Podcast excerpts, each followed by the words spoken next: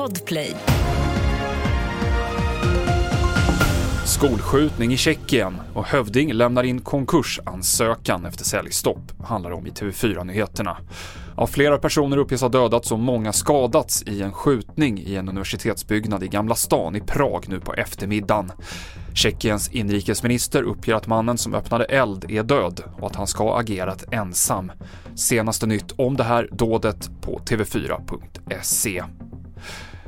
Cykelhjälmstillverkaren Hövding ansöker om konkurs. Orsaken är att Konsumentverket stoppat försäljningen av företagets produkt Hövding 3 eftersom myndigheten anser att det finns situationer där den inte ger något skydd alls. Hövding skriver att man inte delar Konsumentverkets slutsats och att beslutet överklagats. Regeringen har beslutat att återinföra civilplikten från och med 19 januari nästa år.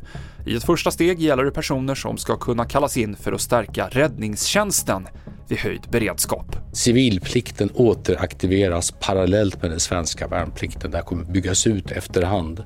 Jag tror att det är en oerhört central del av den samlade svenska totalförsvarsförmågan. Sa statsminister Ulf Kristersson. Och spelbolaget Betsson ska betala tillbaka 5,5 av de 7 miljoner kronor som storspelaren Per förlorade under fem års tid. Detta enligt en dom i Patent och marknadsöverdomstolen idag. Per tog lån efter lån för att finansiera sitt spelande och fick vad han kallar aggressiv marknadsföring av spelbolaget trots tydliga tecken på spelberoende. Vi hör hovrättsrådet Göran Söderström. Vi ger honom delvis rätt. Han får tillbaka större delen av de pengar han har förlorat. Eh, och eh, man kan sammanfatta det så att vi tycker att utredningen här visar att det funnits tydliga tecken i hans spelmönster på att han har allvarliga spelproblem helt enkelt. Och de här tecknen har också varit synliga för spelbolaget. Det sa Göran Söderström, hovrättsråd i Svea hovrätt. Fler nyheter finns på tv4.se. Jag heter Mikael Klintevall.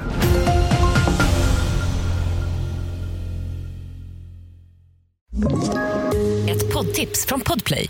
I podden Något Kaiko garanterar östgötarna Brutti och jag, Davva, dig en stor dos skratt. Där följer jag pladask för köttätandet igen. Man är lite som en jävla vampyr. Man har fått lite blodsmak och då måste man ha mer. Udda spaningar, fängslande anekdoter och en och annan arg rant. Jag måste ha mitt kaffe på morgonen för annars är jag ingen trevlig människa. Då är du ingen trevlig människa, punkt. Något Kaiko, hör du på Podplay. Därför arkadeinerna.